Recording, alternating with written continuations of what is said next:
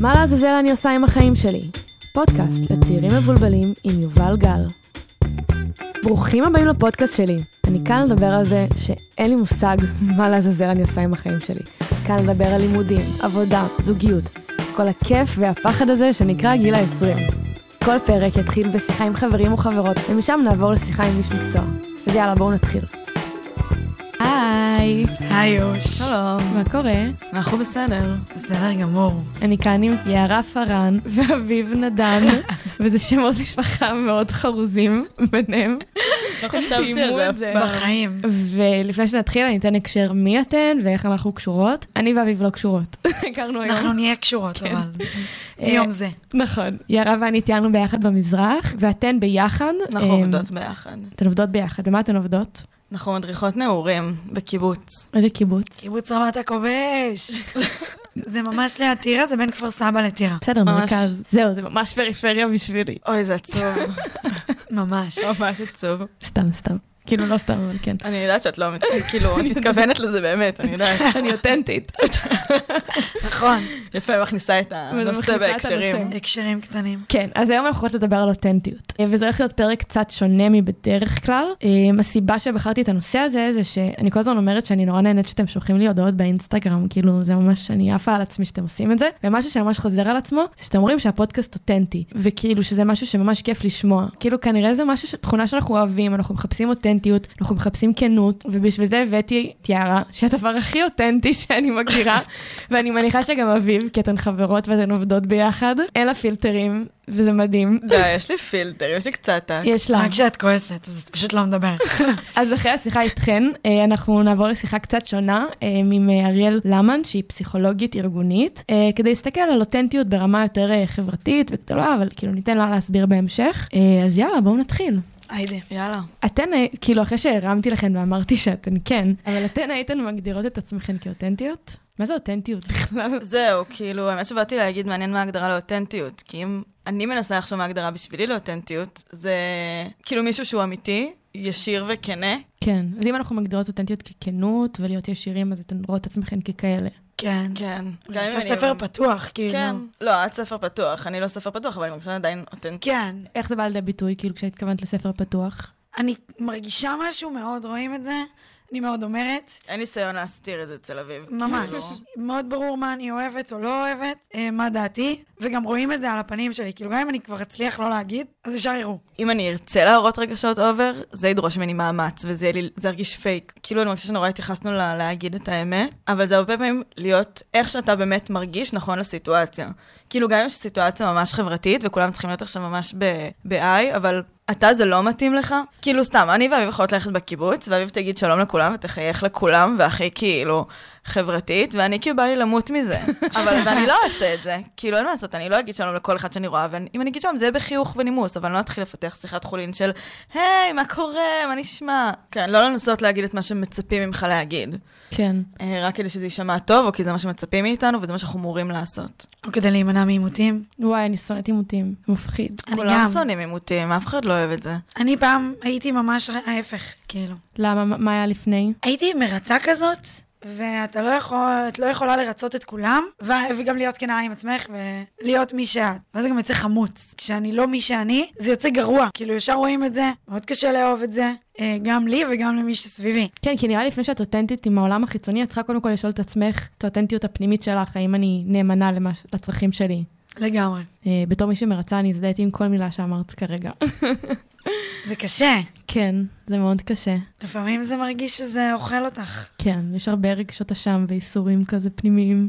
כן, וכשכאילו את צריכה לג'וגלנג בין כל הדברים, ולא בא לך לאכזב אף אחד. כן, זה קשה. אבל משהו שלמדתי מזה, שבסוף שכשאני יותר, אה, פחות מרצה, ככה אנשים יותר מרוצים ממני. נכון. זה יותר נכון. אמיתי. לגמרי. כי אנשים מרגישים. איזה מצבים הייתן אומרות שלכן קל יותר להיות אותנטיות? גם אם באמת יש משהו שמאוד מאוד בוער בי, שאז כאילו אין שום סיכוי, אני כאילו באותו רגע, אני, אני לא רואה שום דבר אחר חוץ מ...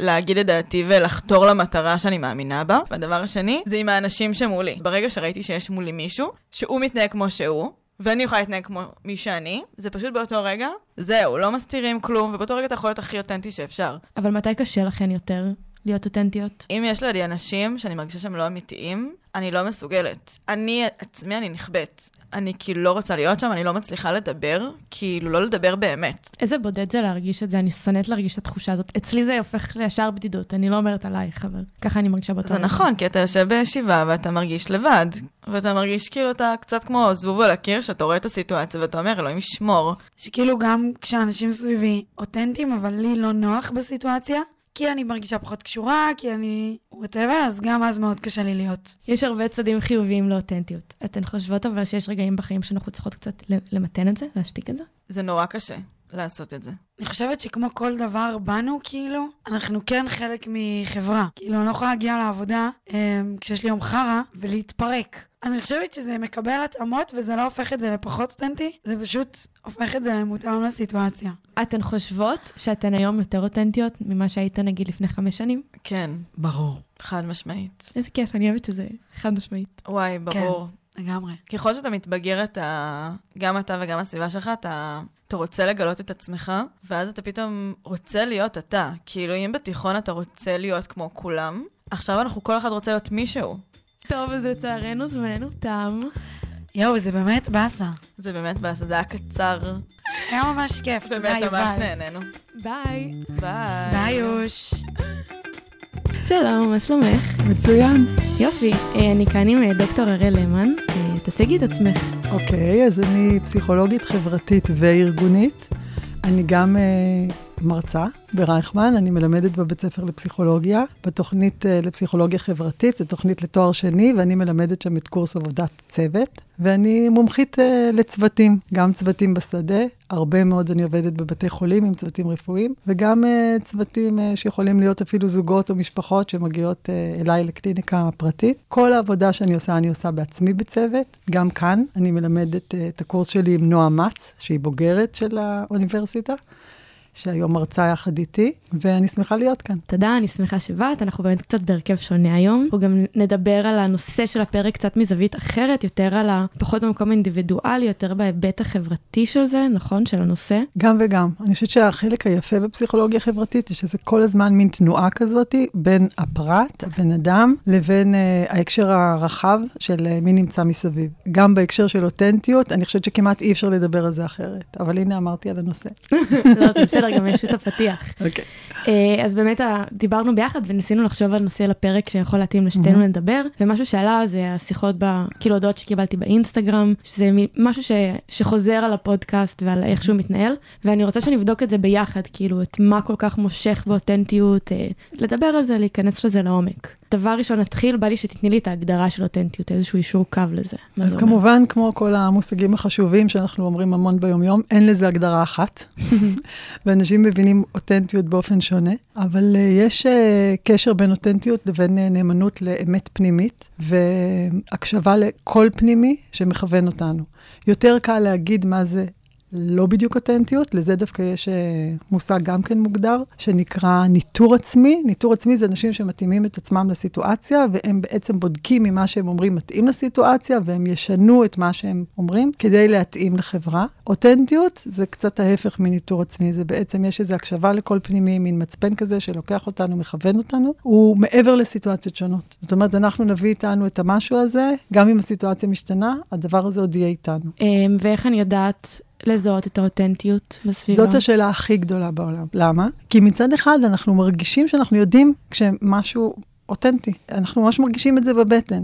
גם יש לזה המון ביטויים, אנחנו אומרים for real, ואנחנו מדברים הרבה על אותנטיות, ואנחנו אומרים שזה לא פרש. כלומר, יש לנו כאילו איזה מכוון פנימי כזה, שנותן קריאה ואומר, פה יש משהו אמיתי. למה זה כל כך מורכב? למה אמרתי שזו שאלה הכי גדולה בעולם? כי קחי תופעה, נגיד, כמו ביבי, שהיו אנשים שהרגישו שכל מילה שהוא אומר, הם לא מאמינים לו. ומנגד היו הרבה אנשים אחרים, שכל מילה שהוא אמר, כנראה כן האמינו לו, נכון? כן. אז הדבר הזה של אם בן אדם הוא אמיתי או לא אמיתי, הוא גם מרגיש לנו מאוד חזק בבטן, וגם עדיין נשאר חמקמק. ובסופו של דבר, גם המדע, גם הפסיכולוגיה, מכירה בזה שאותנטיות היא דבר שונה עבור אנשים שונים. זה מקום שפסיכולוגיה כאילו קצת גולשת גם לפילוסופיה, וזה מושג שאני חושבת בשנים האחרונות אפילו מעסיק עוד יותר, כי יש את כל הנושא של רשתות חברתיות, מה אמיתי, מה וירטואלי, מה קורה, מה דיגיטלי, כל הדבר הזה, news לעומת fake news, רק הולך ונהיה יותר אה, חשוב ומעסיק אותנו. האמת הסובייקטיבית בעצם, כאילו כל אחד זה האמת הפנימית שלו. כמו שאמרת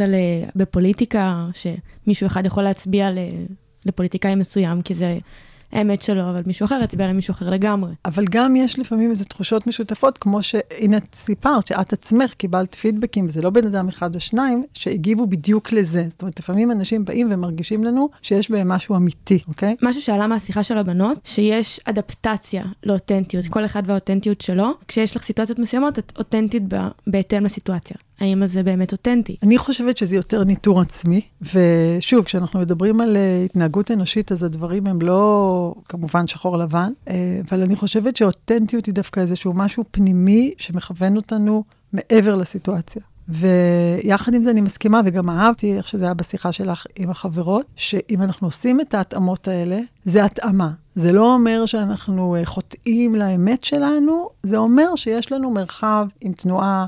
עם איזושהי גמישות, ושבתוך המרחב הזה אנחנו יכולים לנוע ויש לנו את האמת שלנו, אבל אנחנו עדיין יכולים להביא אותה ברמות כאלה או אחרות, ולעשות את ההתאמות, וזה לא אומר שאנחנו לא אותנטיים, לפעמים זה אומר שאנחנו קשובים, וההקשבה הזאת גם בפני עצמה יכולה להיות חלק מהאותנטיות שלנו. כן, זה צריך גם איזושהי אמפתיה, נראה לי, מסוימת, כדי לדעת איפה להביא את האותנטיות ואיפה לא. כי לפעמים האותנטיות לא מתאימה שעכשיו אני אומר אה, לבוסית שלי או למרצה שלי באוניברסיטה, בלי פילטרים, את מה שאני מרגישה או חושבת באותו הרגע. נכון מאוד, ואני יכולה לספר בקבוצה שהנחינו, באמת מישהו אמר, לבוס שלו, שהוא חושב שהוא לא מתאים להיות מנהל. הוא אמר לו, אני ממש אוהב אותך בתור בן אדם, אבל אני לא חושב שאתה מתאים להיות מנהל. וואו. זה כמובן חירב את הסדנה, אבל הרבה יותר, כן, אבל הרבה יותר חמור מזה, זה לקח להם איזה שנתיים להתאושש מהדבר הזה, אנחנו קוראים לזה תאונת תקשורת, וזו הייתה תאונה רצינית, וזה נבע, אני חושבת, מאיזשהו בלבול, ממחשבה שאם יש סדנה, אז אנחנו יכולים להגיד את כל מה שאנחנו חושבים, ולהיות כאילו אותנטיים, כאילו עד הסוף, ואין בעצם עד הסוף. בחיים אנחנו צריכים למצוא את הדברים עם ניואנסים. עד הסוף לרוב uh, יגרום לנו יותר נזק מאשר uh, יעשה טוב נכון. למשהו. טקט. כן. הגבול שלי, אגב, בין אותנטיות לטקט הוא מאוד דק. הרבה פעמים אני מרגישה שאני אומרת דברים ש... כן, ו- אבל אני חושבת שעצם השאלה היא חשובה. אני חושבת עצם זה שאת בודקת את זה עם עצמך ויש לך איזה מין אה, קריאת כיוון פנימית כזאת, אה, זה היה יותר מדי, או שזה כן התאים, זה כבר מקטין מאוד את ההסתברות לטעות. מה בעינייך הקשר בין אותנטיות לבדידות? כאילו זה משהו גם שעלה בשיחה עם הבנות, מאיפה שזה פגש אותי. שנה שעברה, אז החלטתי במודע כזה, היה לי קצת לא טוב חברתית במקום שהייתי, הרגשתי נורא לבד, אבל הייתי כל הזמן מוקפת באנשים. החלטתי באופן מודע, אני מתרחקת ואהיה באמת לבד. ודווקא זו הייתה הפעם הראשונה בחיים שהרגשתי הכי פחות לבד, כי הייתי מאוד נאמנה לתחושות שלי ולאיפה, מה המקום שלי ומי האנשים שאני רוצה להקיף את עצמי סביבם. זה ממש מעניין מה שאת אומרת, ואני חושבת שאולי זו אחת הנקודות הכי חשובות שאנחנו יכולות להגיע אליהן בשיחה, כי יש קשר עמוק בין אותנטיות לבין אה, בדידות, זה קשר הפוך. ככל שאנחנו מרגישים יותר אותנטיים, בדיוק כמו שאת חווית על עצמך, אנחנו בדרך כלל נרגיש פחות בודדים. כי בכל זאת, הבן אדם היחיד שאנחנו איתו ממש 24-7, זה אנחנו עצמנו. עכשיו, אם אנחנו לא בחיבור אותנטי, משמעותי לעצמנו, אז זה כמעט לא משנה מי יהיה מסביב, אנחנו נרגיש בודדים. דוגמה מאוד uh, ברורה לזה, זה הנושא של יציאה מהארון. אנשים שחיים בארון, הם יכולים להיות מוקפים בחברים, הם יכולים להיות מאוד אהובים, אבל התחושה הפנימית שלהם היא תחושה של בדידות. למה? כי גם אם הם מוקפים חברה מבחוץ, הם לא יכולים לבטא את עצמם, הם בעצם לא יכולים להיות מי שהם רוצים להיות. וכשאנחנו לא אותנטיים, המחיר הרגשי שזה גובה מאיתנו הוא מחיר של בדידות, וזה מחיר מאוד קשה. כן, זה נורא מחזק את זה, כי פחדתי להרגיש לבד, אבל ברגע שהתמסרתי ללבד, זה היה בסדר. שזה נגיד שונה לעומת, אה, נגיד אני של החטיבה והתיכון, שלא רציתי להיות אותנטית, רציתי להרגיש חלק מקבוצה ורציתי להרגיש שייכת. והיה תקופות בתיכון שהרגשתי ממש לבד בגלל זה. אתם אמרתם כולכן שהיום אתן מרגישות יותר אותנטיות, ואפילו כזה בלי שאלה, חד משמעית. זה מעניין אותי לשאול עוד אנשים, אם הם גם מרגישים את המעבר הזה, כאילו זו התפתחות עם האותנטיות, שבגיל ההתבגרות בתיכון אנחנו פחות יכולים לבוא לידי ביטוי, ואנחנו צריכים לעשות יותר מדי התאמות, ואם אחר כך אנחנו אולי בעצם מוצאים איזושהי דרך שההתאמות האלה לא יגבו מאיתנו מחיר רגשי כבד מדי. זאת אומרת שאנחנו נדע לא להגיד הכל כל סיטואציה, ונדע להתכוונן למה מתאים עכשיו ומה פחות, אבל uh, בלי ההרגשה הזאת שאנחנו מאבדים יותר מדי מעצמנו בדרך. וזה המון ריצוי. כן, ריצוי, כשהניטור העצמי גובה מאיתנו מחיר כבד מדי, זה כבר שלב של ריצוי, ושם באמת האותנטיות מתחילה להיפגע, ומזה בהמשך נוצרת תחושת הבדידות. עם השינויים הטכנולוגיים זה נעשה יותר קשה להיות אותנטיים. כי כשיש, כשיש לי פומו, כשאני רואה אנשים באינסטגרם מבלים ואני לא, אני עוד יותר אדחוק את עצמי לקצה ואשים את עצמי בסיטואציות שאני לא רוצה. אני חושבת שהרשת החברתית היא מקצינה ומחדדת תופעות. אז היא גם, לדעתי, בצורה כזאת היא קצת פרדוקסלית, מצד אחד דווקא מעמיקה את האפשרות לאותנטיות. כי פתאום יש אנשים ברשת שיכולים לבטא את עצמם, אה, כאילו אנחנו לא מסתירים, אנחנו, זה חלק ממה שאנחנו, והיכולת להביא את זה לאיזושהי חשיפה פומבית, שהרבה פעמים, אה, בזכות האותנטיות, נותנת פופולריות. ומצד שני, יש את כל ה... כאילו, הגלם כזה, הקצת, אה, את מזויף כזה של כן. ה-shiny happy people, שבו נראה איך הכל מעולה אצלנו כל הזמן, וכל הלחץ החברתי שזה מייצר, ו... ואז באמת הפגיעה הקשה באותנטיות. אז אני חושבת שבמדיה אנחנו מוצאים כאילו את שני הקצוות. העניין של האותנטיות, עכשיו אני חווה אותו כמאוד מאוד פידבק חיובי, ממש בתקופה האחרונה. האחרונה, אבל לפני זה הרגשתי שזה היה הדבר שתמיד שם לי רגליים. כי אני בן אדם ש-all in, אני לא יודעת לווסת את התהליך של כאילו בהדרגתיות.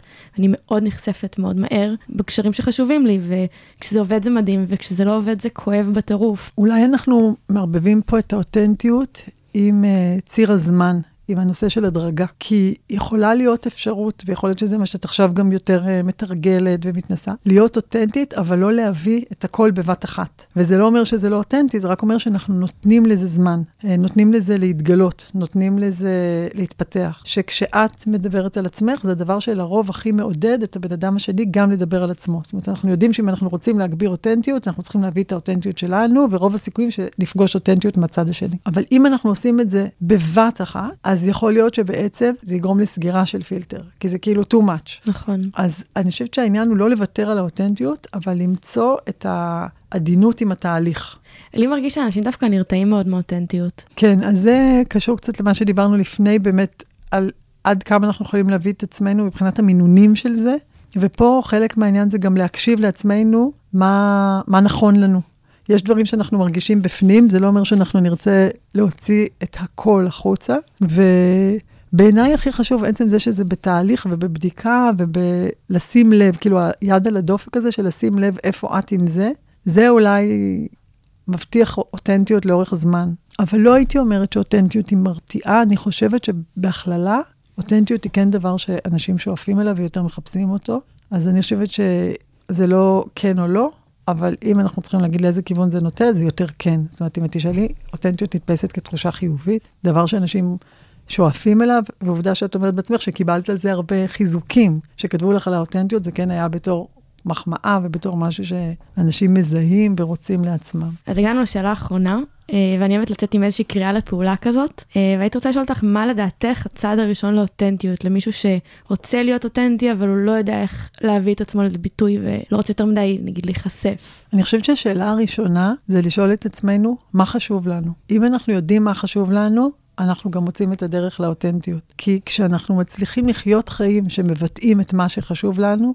ושיש הלימה והתאמה בין החיים שלנו בפועל לבין מה שחשוב לנו באופן עקרוני, אז אנחנו בעצם הולכים בשביל שהוא שביל של אותנטיות. ומה חשוב לנו? יכול להיות שחשוב לנו לעשות פודקאסט, יכול להיות שחשוב לנו להיות עצמאים ולצאת מהבית של ההורים, להרוויח הרבה כסף. זה באמת אין סוף תשובות אפשריות מהמון עולמות ומהמון uh, נושאים. אבל כשאנחנו מזהים מה חשוב לנו, אני חושבת ששם מתחיל התהליך של אותנטיות. כי אז אנחנו יכולים לבטא את זה. אם אנחנו לא יודעים מה חשוב לנו, איך נדע להיות אותנטיים?